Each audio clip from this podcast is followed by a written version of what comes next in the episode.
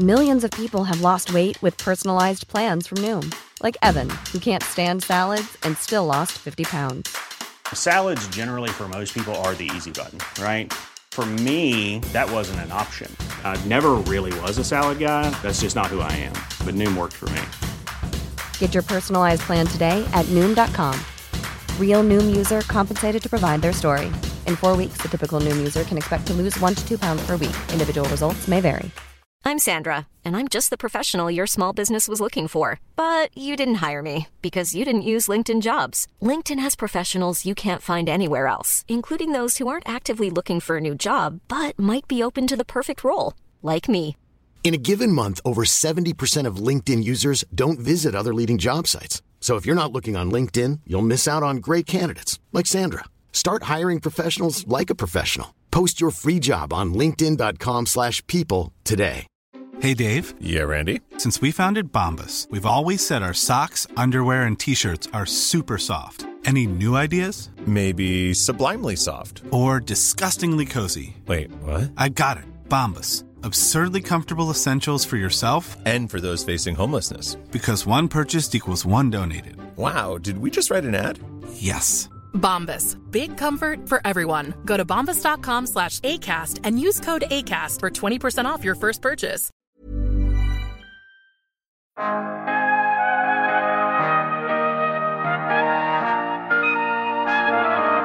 Så, så där menar jag att Apple har kommit ikapp på batterikapacitet men där Apple är hopplöst efter är ju om man tittar på laddhastigheten.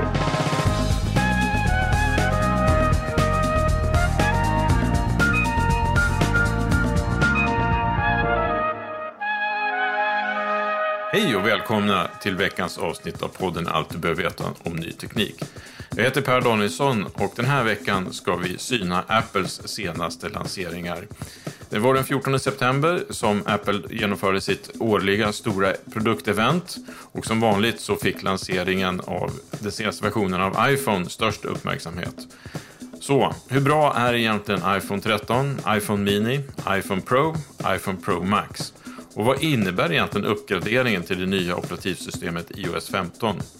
Och vad ska man tycka om de senaste versionerna av iPads? Och hur ser framtiden och intresset för Apples produkter ut? Ny Tekniks techreportrar och mobilspecialister Kalle Wiklund och Simon Campanello har testat alla de här produkterna och är dagens gäster i podden. Hej Simon och Kalle, välkomna till podden. Tack så mycket. Tackar, tackar. Eh, ni är ju tillbaka på Ny Tekniks redaktion efter en eh, rätt lång föräldraledighet på nästan nio månader och ni var ju också de som följde Apples event här den 14 september. Kalle, du till och med live-rapporterade om nyheten på nyteknik.se. Eh, kan inte du ge oss den korta versionen om vad det var som presenterades den här kvällen? Absolut. Now, let's talk about iPhone. Det vi fick se var ju fyra nya iPhone-telefoner. This is iPhone 13. iPhone eh, 13, iPhone 13 Mini, iPhone 13 Pro och iPhone 30, 13 Pro Max. Utöver det så var det två nya surfplattor då. Nionde generationens iPad som är väl liksom en sån instegsmodell, den billigaste surfplattan som Apple erbjuder. Och sen så iPad Mini som är, som är rätt intressant som är liksom en, ja men som prestandamässigt en eh, lyxvariant av en, av en surfplatta fast i, i miniformat. Och utöver det så fick vi också se en ny Apple Watch, en Apples eh, smartklocka. Apple Watch Series 7. Rubriken för kvällen var ju California Streaming. California has always been a place for people with big ambitions and big dreams. Jag funderat en del på det. Känns som att det var liksom kanske en inramning som signalerar att, att, samhället håller på att öppna upp efter den världsomspännande pandemin. Så, och det var väl också, man såg ju tydligt under, under presentationen att man visade liksom bilder från olika delar av Kalifornien. Det var liksom inte bara snygga bilder från Apples eh, högkvarter. We're proud to call California our home. Men en annan sak som slog mig var att man snackade knappt någonting om 5G. Som man kan jämföra med förra året när, när Hans Westberg, som tidigare vd för Ericsson och numera är vd för den amerikanska telekomjätten Verizon, var med på scen där tillsammans med eh, Tim Cook. Men det har väl sin förklaring i att det kanske inte det har väl inte hänt enormt mycket på det området sedan 2020. Eh, jag tycker också att eh, tidigare år så har varit som, det här sedvanliga snacket om augmented reality. Och det var liksom mer nedtonat på den fronten i år. Även om det var med så hade det inte en lika liksom, framskjuten position som tidigare. Och jag tror inte att, att det handlar om att Apple på något sätt har liksom minskat sina ambitioner på området men, men eh, istället så, så valde man liksom att eh, fokusera på ja, de nya produkterna. Ja, precis. Det var en riktig hårdvarulansering och ni fick ju de här telefonerna rätt snabbt i era händer. Ni har båda testat olika versioner av iPhone 13. Eh, Simon, ditt korta spontana intryck här? Ja, men jättekorta är väl att det är, är väl bra. Eh, jag har testat eh, iPhone 13, alltså basmodellen och iPhone 13 Mini som är i princip ja, en identisk telefon fast i lite mindre format. Eh, och, och det är ju det är bra mobiler, men, men precis som det kanske saknades visioner från scenen när Apple presenterade telefonerna så är det kanske inte liksom de mest banbrytande produkterna som man håller i sin hand. Men det, det har gjorts, Eh, om man bara kort ska sammanfatta det, så har det gjorts ganska stora kliv framåt med liksom batteriteknik, eller ja, batterikapacitet, eh, bättre skärm och bättre kamera. Men det är inget så här eh, inget omvälvande som om man tittar tillbaka på iPhone X eller 10-lanseringen till exempel som var en helt eh, en, en eh, omstöpning av hela formatet. Så här är ju mer en, ett, ett tydligt kliv framåt bara. Ja, vi ska ju fortsätta diskutera och gå in mycket, mycket mer på tekniken i nya iPhone 13. Men Kalle, du har ju också testat och haft en, du har väl en liggandes bredvid dig, eller hur? Jag håller den i handen just nu. Jag har ju testat eh, iPhone 13 Pro och eh, iPhone 13 Pro Max. Och eh, den stora skillnaden tycker jag är kliven framåt som Apple har tagit när det gäller kamerateknik. Eh, och det kan man ju i sin tur koppla till hur Apple jobbar med den här typen av liksom dedikerade AI-processorer som man har eh, i sina chipset eh, numera. Och eh, ja, jag tycker att man har lyckats förbättra ett gäng funktioner som jag tror kommer få en ganska stor betydelse för många användare. Dels när det gäller kameratekniken men också att man har eh, använder en ny typ av skärmar med en, en högre som uppdateringsfrekvens som också då är variabel så att den kan liksom växla mellan en lägre uppdateringsfrekvens när skärmen, telefonen kanske liksom ligger på skrivbordet och en högre uppdateringsfrekvens när eh, du använder liksom eh, prestandakrävande appar eller när du eh, fotar eller eh, om du spelar spel eller något liknande. Och eh, på det sättet har man lyckats eh, få till en riktigt bra batteritid skulle jag säga. Mm. Eh, jag tänkte att vi ska ta, ta oss igenom de tekniska nyheterna i iPhone 13 och vad som skiljer sig mellan de olika varianterna då, basvarianten och Pro och Pro Max och Mini och 13. Och sen så när vi har tagit oss igenom det där så ska vi avsluta, eh, avsluta med att ni ska ge lyssnarna råd om vi ska investera i en ny iPhone eller inte och vi ska också prata lite om vad vi vet om nästa generation, alltså iPhone 14. Men Simon, du var inne lite grann på batterier och batteriteknik. Eh, och vi kan ju börja där. Vad är det som har hänt och vad är skillnaden mellan de olika modellerna när det gäller batteriet och batteritid? Ja, men där är väl ett ganska stort kliv framåt. Eh, det är ju något som pratas om varje år och har gjorts under flera år. För ett för säg 5, 6, 7 år sedan då var det väldigt mycket prat om hur, hur usel batteritid smartphones har, att det var liksom det stora, stora akilleshälen på hela produktsegmentet. Sen har ju tillverkarna försökt liksom sakta öka den här batteritiden och det här är ju ett ovanligt stort kliv ändå. Om man tittar på Apples egna siffror bara så är det mellan en och en halv och två och en halv timmes extra eh, eh, att, så kan de hålla en och en halv till två och en halv timmar extra på en laddning beroende på vilken modell om man jämför med förra årets modell. Då. Och det är ju, det är ju, då, då, blir det plötsligt ganska lätt att klara den här eh, från morgon till kväll utan att behöva ladda någon gång på dagen. O, nästan oavsett hur mycket man använder telefonen. Eh, och där har man hittat hittat en nivå nu där det liksom funkar väldigt bra helt enkelt. Men, men är det fortfarande så att eh, Android-telefoner i samma motsvarande klass har en längre och bättre batteritid än en iPhone? Nu är man ju uppe liksom i samma nivå som till exempel Samsungs största, största och finaste telefoner. Det, det, finns ju jämförande tester och de, jag, om jag har läst dem rätt så är nog iPhone, liksom de här största Pro Max-varianten är väl till och med lite vassare nu om jag har förstått det rätt. Så, så där menar jag ju att Apple har kommit ikapp på batterikapacitet men där Apple är hopplöst efter är ju om man tittar på laddhastigheten. Apple skryter ju om att det, det är snabbladdning på något sätt men om man laddar med kabel så är det 20 watts maximal snabbladdning och då köpa till en laddkloss för den sitter ju inte i boxen. Eh, och man kan ladda upp till 15 watt med trådlös laddning om man köper Apples eget laddsystem. Men det, det blir nästan absurt när man tittar på Android-sidan där eh, OnePlus och Huawei har trådlös snabbladdning på över 50 watt. Och jag har precis fått en eh, ny Xiaomi-mobil att testa som har 120 watt snabbladdning via kabel. Så det, känns ju, det är ju sex gånger snabbare än Apple. Vilket, det, det, tycker jag börjar kännas att den här telefonen den laddar inte i närheten av lika snabbt som motsvarande Android-telefoner i toppskiktet.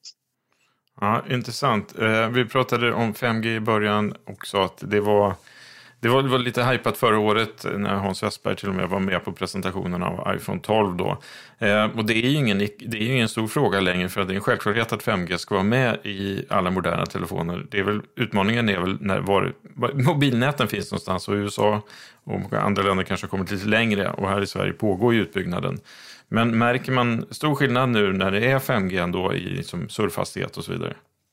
För gemene man skulle jag säga att det inte är någon enormt, enormt stor skillnad. Eh, det, nej, det skulle jag inte säga. Jag vet inte vad, vad du har att säga om det Simon, men någon enorm skillnad tycker inte jag att det är. Nej, det tycker jag egentligen inte man kan prata om. Det är väl, om man ska prata om 5G så idag så att köpa en 5G-telefon känns ju snarare som att man framtidssäkrar mobilen lite än att man gör någon enorm uppgradering från en dag till en annan. Det kanske finns enstaka applikationer idag som kan dra nytta av att man har en extremt hög mobil uppkoppling men eh, det, det tror jag inte är något för gemene man, liksom, något superaktuellt idag. Och sen, liksom, det, det eh, Visst, Apple-hypen för 5G kanske har ebbat ut lite, men, men om vi tittar på 5G-tekniken generellt så har man ju egentligen hela tiden sagt att det här är ju inte konsumenterna som är den stora målgruppen. Det är ju, här är för eh, industriapplikationer egentligen eh, i mycket större utsträckning. Så att eh, vi, vi konsumenter får åka med på köpet med lite snabbare mobiluppkoppling, men det är inte, det är inte vi som är den stora eh, vinnaren på det sättet. Som, om man tittar på skiftet från 3G till 4G till exempel, där det blev en helt annan Ja, exakt, det var ju ett mycket större kliv. Eh, sen om vi går ner och tittar på kamerateknik, här är ju också ett område där inte minst Android-tillverkarna har du liksom kanske legat steget förut och highlightat det extremt mycket i sina lanseringar. Hur är det med iPhone 13 här? Vad är, vad är det för någon kvalitet på kamerorna? Om man tittar först på liksom basmodellerna, de har ju blivit radikalt mycket bättre. Eh, de har fått eh, huvudsensorn i kameran har de plockat från iPhone 12 Pro Max, alltså den toppmodellen från förra året, eh, som fortfarande är en av de bästa mobilkamerorna på marknaden. Och nu får man dem för ett liksom, ganska med Apple-mått mätt överkomligt pris eh, eh, i även liksom i iPhone 13 och iPhone 13 Mini. Så det är en enorm uppgradering över motsvarande modeller i eh, förra årets upplaga av iPhone. Men det kanske riktigt intressanta är väl det som har hänt på Pro-modellerna som har tagit ytterligare ett kliv framåt. Kalle, du har ju testat de telefonerna. Ja, precis. Och med, med iPhone Pro och iPhone Pro 13 så kan man ju liksom snacka om, ja, men om, om iCameras och egentligen eh, nästan att det är liksom mer av en, eh, en mobilkamera som man också då kan använda appar på och ringa med ifall man vill det.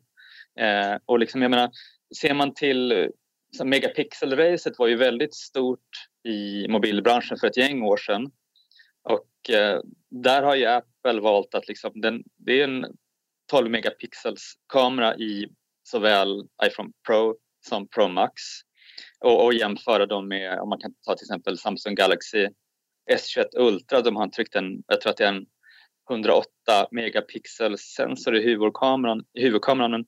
Men, men det Apple har gjort istället i år är att man har en som ännu större bildsensor i, i själva kameran och det i sin tur leder ju liksom till ett gäng förbättringar när det gäller eh, framförallt ljusinsläpp men, men, men bara liksom, eh, ja, men kvalitet överlag. Man har gett två av tre kameror eh, större bländare och eh, man har en helt ny sensor med autofokus på ultravidvinkelobjektivet.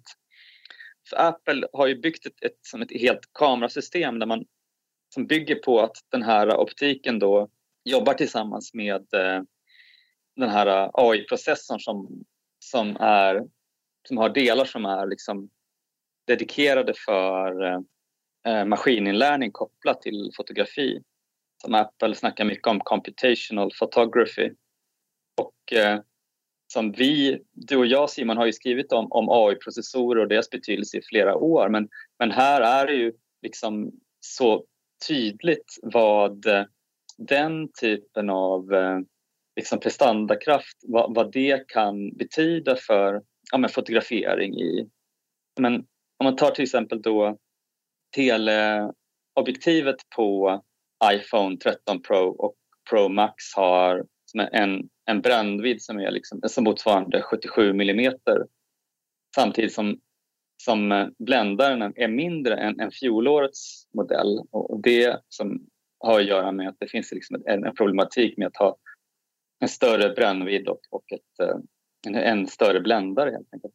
Men det har iPhone Pro och Pro Max kompenserat med att man använder den här eh, LIDA-sensorn som finns i mobilen som hjälper till med autofokus i, i mörka miljöer. Man tar också hjälp av liksom de här eh, maskininlärningsfunktionerna eller maskininlärnings beräkningskraften som finns i eh, processorn för att kompensera för att eh, man har en, en mindre bländare än, än, än, tidigare. Det är liksom uppenbart att eh, teamet som jobbar med kamerateknik på Apple jobbar väldigt nära in på det teamet som arbetar med att utveckla processorer hos Apple. Och det i sin tur har ju lett till ett gäng förbättringar på, på alla fronter skulle jag säga i, hos eh, iPhone 13 och eh, iPhone 13 Pro och eh, 13 Pro Max. Mm. Eh, Kalle, du, vad säger du om säkerheten då?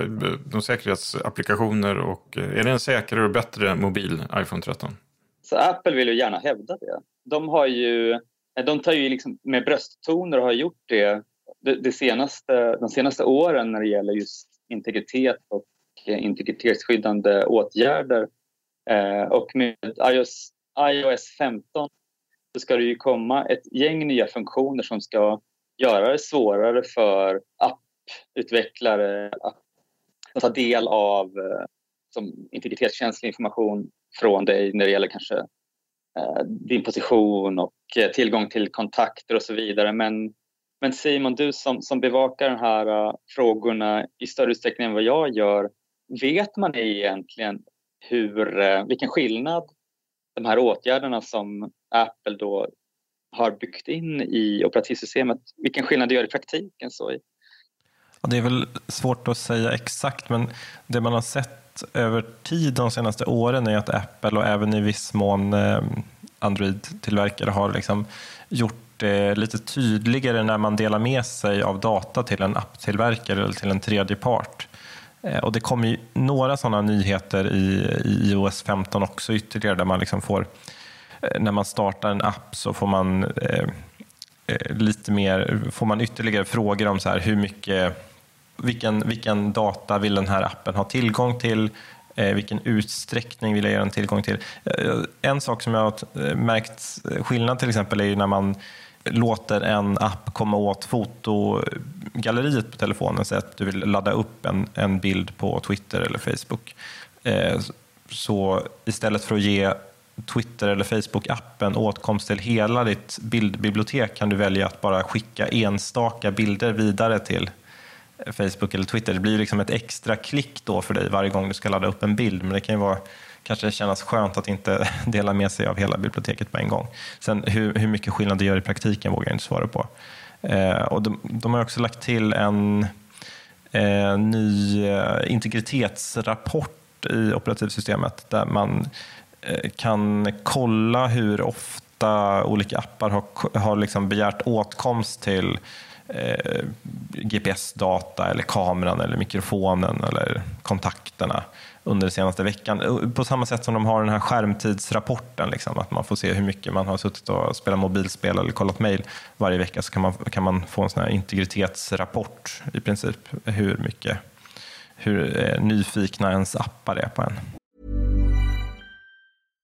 If you're looking for plump lips that last, you need to know about Juvederm lip fillers. With Juvederm Volbella XC and Juvederm Ultra XC, your lip look, whether it's subtle or bold, can last up to one full year with optimal treatment and no additional maintenance. Find a licensed specialist and see if it's right for you at Juvederm.com today. That's J U V E D E R M.com. Add fullness to lips in adults over 21 with Juvederm Volbella XC or Juvederm Ultra XC. Do not use if you have severe allergies or a history of severe allergic reactions, or if you're allergic to lidocaine or the proteins used in Juvederm. Tell your doctor if you have a history of scarring or taking medicines that decrease the body's immune response or that can prolong bleeding. Common side effects include injection site redness, swelling, pain, tenderness, firmness, lumps, bumps, bruising, discoloration, or itching. As with all fillers, there's a rare risk of unintentional injection into a blood vessel, which can cause vision abnormalities, blindness, stroke, temporary scabs, or scarring.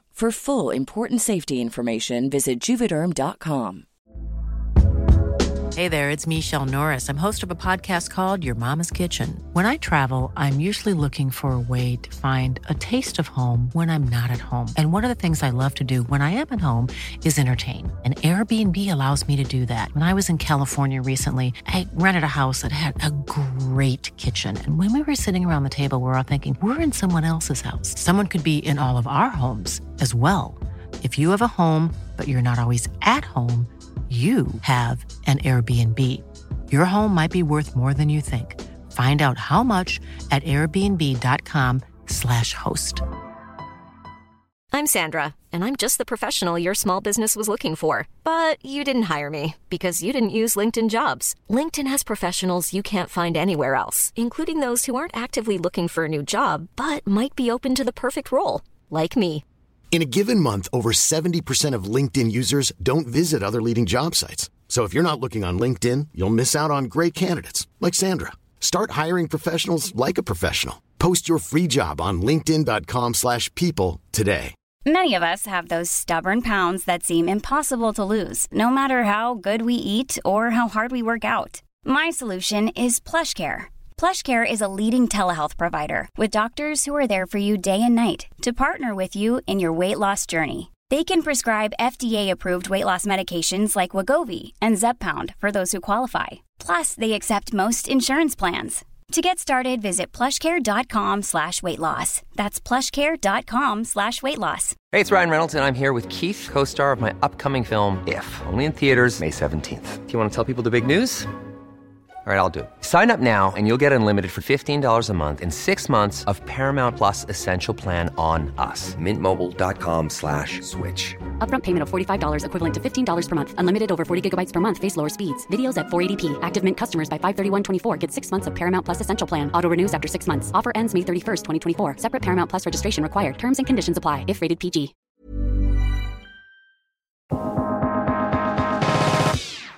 Om vi går vidare då och så tittar vi på skärm, skärm och design. Vad är det som är den stora skillnaden? Eller om det är någon skillnad jämfört med iPhone 12?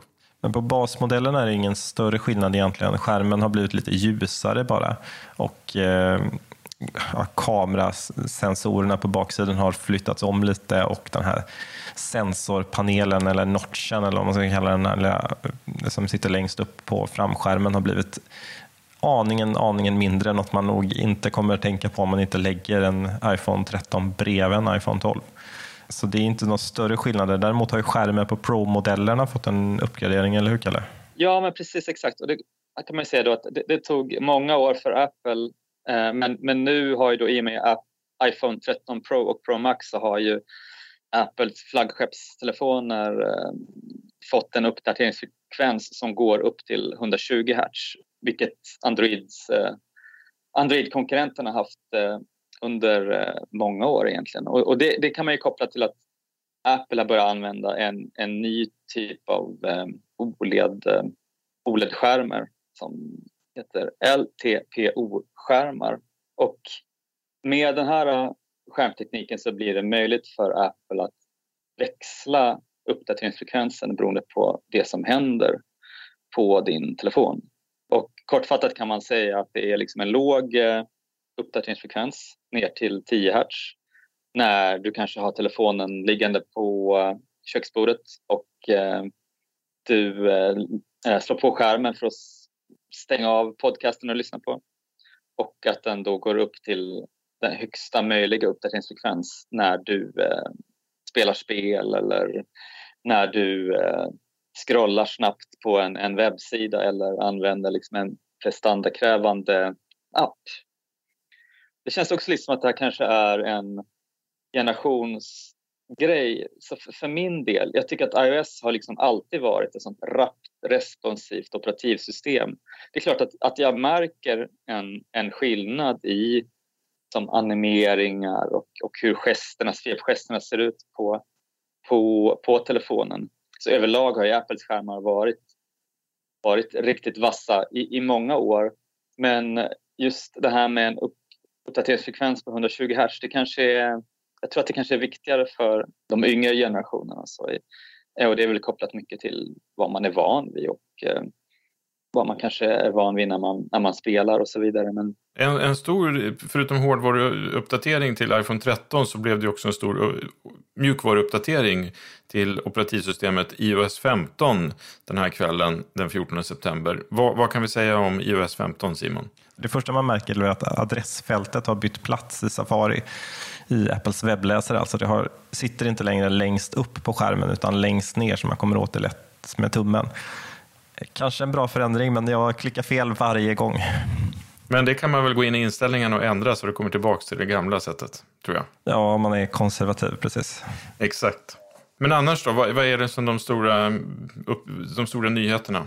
Det finns ju en jättestor förändring som är att eh, det nu finns stöd för att Facetime, alltså Apples videochatt, ehm, att man kan ha Facetime-samtal även med folk som har Android-telefoner eller sitter på en Windows-dator.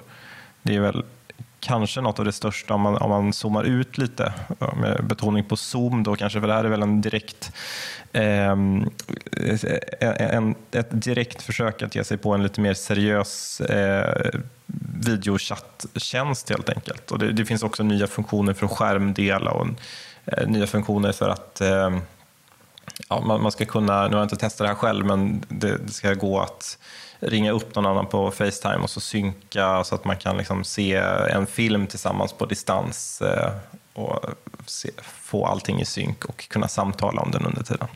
Men ganska stora förändringar i Facetime helt enkelt. Ja.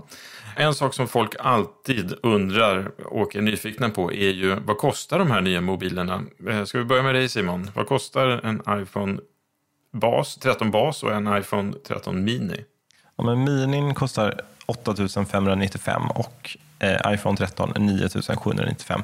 Det är ju marginellt högre än vad eh, 12-modellerna kostade. Och förklaringen är nog egentligen inte någon halvledarbrist eller eh, några problem med leveranser utan att eh, basmodellen har fått eh, större lagringsutrymme. Eh, Apple har väl till slut, får man säga, dödat 64 gigabytes modellerna av de nya iPhonesarna, vilket jag inte tror att någon kommer gråta över. Och Det har gjort att liksom den billigaste telefonen hoppar upp en prisklass lite grann. Men om man tittar på vad motsvarande, vad en 128 gigabytes iPhone 12 kostade vid släppet eh, förra året, så är priset relativt sett det faktiskt aningen lägre. Så att, eh, det är egentligen kan man säga ingen större prisförändring mot förra året. Och, och Kalle, du, har du koll på priserna på eh, Pro och Pro Max? Ja, 13 Pro kostar ju då cirka 12 300 kronor och eh, Pro Max börjar på 13 495 kronor. Och det är ju också som marginellt lägre pris än vad det var förra året. Eh, det som är lite speciellt då är att Pro Max kommer i en eh, en terabyte variant nu och den får man ge 20 000 kronor för. Och då är ju liksom en rimlig fråga att ställa sig, vem är de här telefonerna för? Om man då tar en, en, en 13 Pro Max för, för 20 lakan. Eh, Apple vill väl gärna att vi ska tänka att det är för liksom, professionella fotografer men, men jag har svårt att tro det. Även om man har liksom tagit viktiga steg framåt på fotofronten så, så kan en iPhone 13 Pro Max fortfarande inte mäta sig med en, en ordentlig proffskamera. Det jag tänker på eh, är ju det Apple själva framhäver är att om man ska filma i absolut högsta upplösning på de här iPhone 13 Pro Max-modellerna så är det ju eh, flera gigabyte eh, filmfiler per minut man filmar. Och där ser man väl liksom en poäng med att ha en enorm hårddisk för att kunna rymma all denna tunga, tunga film. Men det måste ju vara ytterst få användare som behöver de där en terabytes modellerna.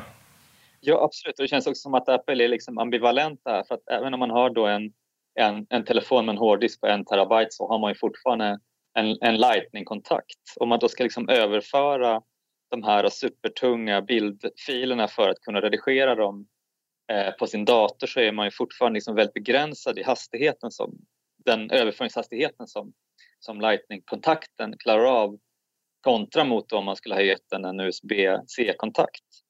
Eh, så att eh, det känns som att Apple är liksom ambivalenta där i vad man, hur man ser på att de här, de här telefonerna ska användas. Liksom. Och och jag tror att man har sitt case där när det gäller liksom videoinspelning och, och 4K där, 4K-inspelning där, där Apple är liksom absoluta toppskiktet.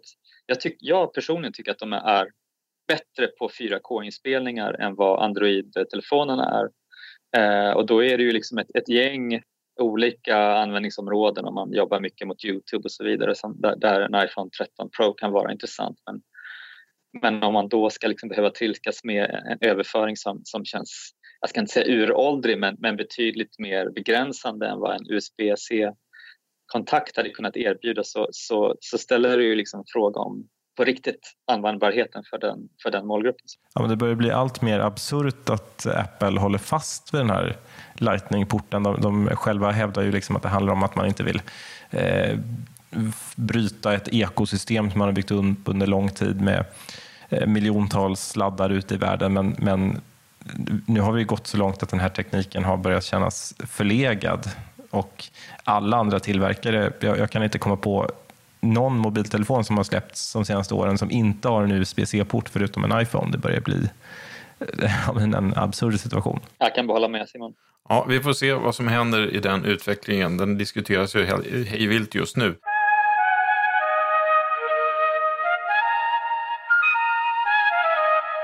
Om man skulle sammanfatta då tester som ni har gjort och eh, andra techjournalister runt om i världen, vad skulle ni säga liksom är det samlade omdömet av den här lanseringen?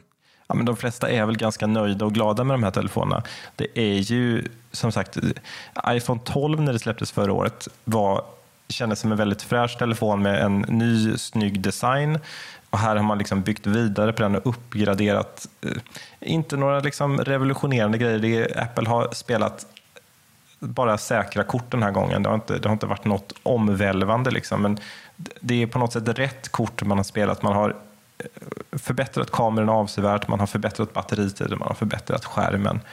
Det är ju exakt vad alla vill ha i nya telefoner. Det är exakt det alla de, de features man går och önskar ska bli bättre. Så att, I och med att Apple har gjort det på ett, på ett övertygande sätt så har de också fått väldigt bra kritik. Sen är det som jag kan känna är lite tråkigt och som många andra har lyft också är väl att det har inte hänt något mer. Det har liksom inte varit någon sån här omvälvande och det har inte implementerats någon ny spännande eh, teknisk lösning kanske. Men, men eh, det, det är ju ett, för att vara ett mellanår så är det ett otroligt starkt mellanår ändå.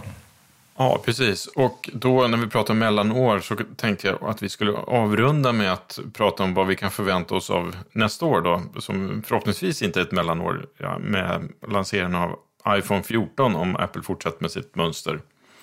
Vad säger du Kalle, vad tror du om iPhone 14? Ja, alltså om man ska titta på vad som jag har pratat mycket om som den iCameras och om man ser till vad iCamera saknar så är det väl kanske då den här typen av liksom periskopkameror som man har sett att Samsungs toppmodeller har haft, Huaweis eh, toppmodeller eh, också haft. Eh, och det handlar ju liksom om då att man har en, ett, te, ett teleobjektiv med en slags liksom periskopfunktion eh, som gör att man eh, kan få till en, en optisk zoom som är betydligt högre än vad iPhone kan erbjuda idag där man har tre gånger zoom som mest. Och det är också en sån funktion som många av de klassiska tillver- alltså kameratillverkarna, det är väl en av de få funktionerna som klassiska kameratillverkare fortfarande gör bättre än, än vad mobiltillverkarna gör. Och, det, liksom, det, finns, det handlar ju också om, om, fysik, vad man kan få plats med i de här telefonerna. Det går ju liksom inte att bygga in hur stor sensoroptik som helst. Men, men det skulle inte förvåna mig ifall Apple eh, tittar på det här och det kanske är någonting som dyker upp till nästa år. Men sen också, liksom, jag menar, det, det, är ju lätt att jämföra iPhone 13 Pro och Pro Max med, med Samsung Galaxy S21 Ultra. Men Samsung sysslar ju med liksom innovation på, på, på, ett helt annat sätt. Och då tänker jag ju på deras eh, vikbara telefoner. Det är som ett område som, som vi inte har sett någonting från Apple än. Det vi har sett är att det har läckt en del patent på där Apple har eh, jobbat på, eh, tagit patent på liksom, teknik för vikbara mobiler. Men om man tittar på liksom vad de olika bedömarna och analytikerna som försöker förutspå vad Apple kommer att släppa härnäst så pekar man ju på att det Apple är fortfarande ganska långt bort från marknaden om det någonsin blir någon sån här iPhone Fold eller vad man ska kalla den. Att, eh, det jag läste häromveckan var att tidigast prognos att en sån telefon skulle kunna vara på marknaden om två år.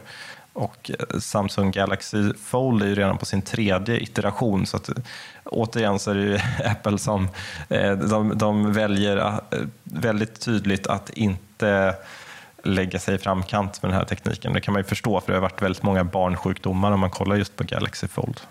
Ja, absolut, absolut. Och liksom, jag menar, Apple spelar med, med, med säkra kort så, men det vore ju kul att se vad de arbetar med på, på den fronten. Ja, till sist då Simon och Kalle, om ni sitter på en middag och en person kommer fram och frågar er, ni som jobbar på ny teknik, kan inte ni ge mig ett råd? Ska jag köpa en iPhone 13 eller inte? Vad svarar ni då? Kanske. Det beror helt på vad du använder för telefon idag, vad du har för liksom, förväntningar och hur du vill använda en telefon. Men, men om, låt säga att du har en, en iPhone 12, då är det egentligen mycket lite, tycker jag, som motiverar att du skaffar årets modell. Om du inte är så att du vill eh, kunna liksom pensionera din eh, lilla kompaktkamera och så vidare. Men jag tycker att liksom, om man istället kanske har en, en telefon som är eh, ja, två, tre år gammal, då är det nog läge att, att eh, kanske kolla på, på en uppdatering till 13 Pro eller Pro Max. Så, eh, och man ska ju också säga att som kamerasystemet hos 13 Pro och Pro Max är identiskt. Så. Och i så mitt, mitt hårdtestande av luren så har jag liksom inte sett någon kvalitetsskillnad alls om man jämför telefonerna. Men, men Pro Max då, den här 13 000 kronors telefonen har något större batteri. Skärmen är ju större också. Så det är ju liksom för, ja men, för fotografering och för att konsumera media. Så Apple gör strålande OLED-skärmar och det är ju liksom... Eh, om du gillar att surfa, spela, titta på film så är ju det är en, maxad upplevelse helt enkelt. Mm. Eh, stort tack för att eh, alla har lyssnat och stort tack för att eh, Kalle och Simon för att ni har varit med. Alla de här Testerna av iPhone 13 finns ju att läsa på nyteknik.se. Och vi kommer komma tillbaka och prata om andra tillverkare så att det här är inte bara specialavsnitt om Apples lanseringar utan vi kommer plocka upp olika andra typer av lanseringar och modeller framöver här i podden. Stort tack för att du har lyssnat på veckans avsnitt. Maila gärna till redaktionen nyteknik.se om du har synpunkter eller idéer på ämnen som du tycker att vi ska ta upp här i podden. Innan vi säger hej då så påminner vi återigen om att det finns fullt med olika typer av testartiklar på nyteknik.se. Både om mobiltelefoner av alla möjliga tillverkare och inte minst elbilar.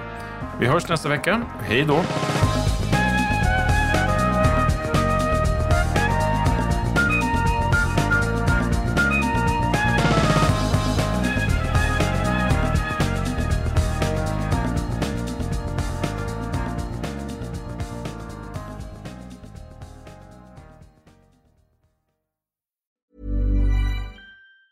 Hi, I'm Daniel, founder of Pretty Litter. Did you know cats tend to hide symptoms of sickness and pain? I learned this the hard way after losing my cat, Gingy. So I created Pretty Litter, a health monitoring litter that helps detect early signs of illness by changing colors, saving you money and potentially your cat's life. Pretty Litter is veterinarian developed, and it's the easiest way to keep tabs on your fur baby's health right at home. Go to prettylitter.com and use code ACAST for 20% off your first order and a free cat toy. Terms and conditions apply. See site for details. Even when we're on a budget, we still deserve nice things.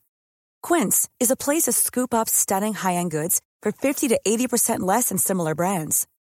They have buttery soft cashmere sweaters starting at $50, luxurious Italian leather bags, and so much more. Plus, Quince only works with factories that use safe, ethical, and responsible manufacturing. Get the high-end goods you'll love without the high price tag with Quince. Go to quince.com slash style for free shipping and 365-day returns. When you need mealtime inspiration, it's worth shopping Kroger, where you'll find over 30,000 mouthwatering choices that excite your inner foodie. And no matter what tasty choice you make, you'll enjoy our everyday low prices, plus extra ways to save, like digital coupons worth over $600 each week. You can also save up to $1 off per gallon at the pump with fuel points. More savings and more inspiring flavors make shopping Kroger worth it every time. Kroger, fresh for everyone. Fuel restrictions apply.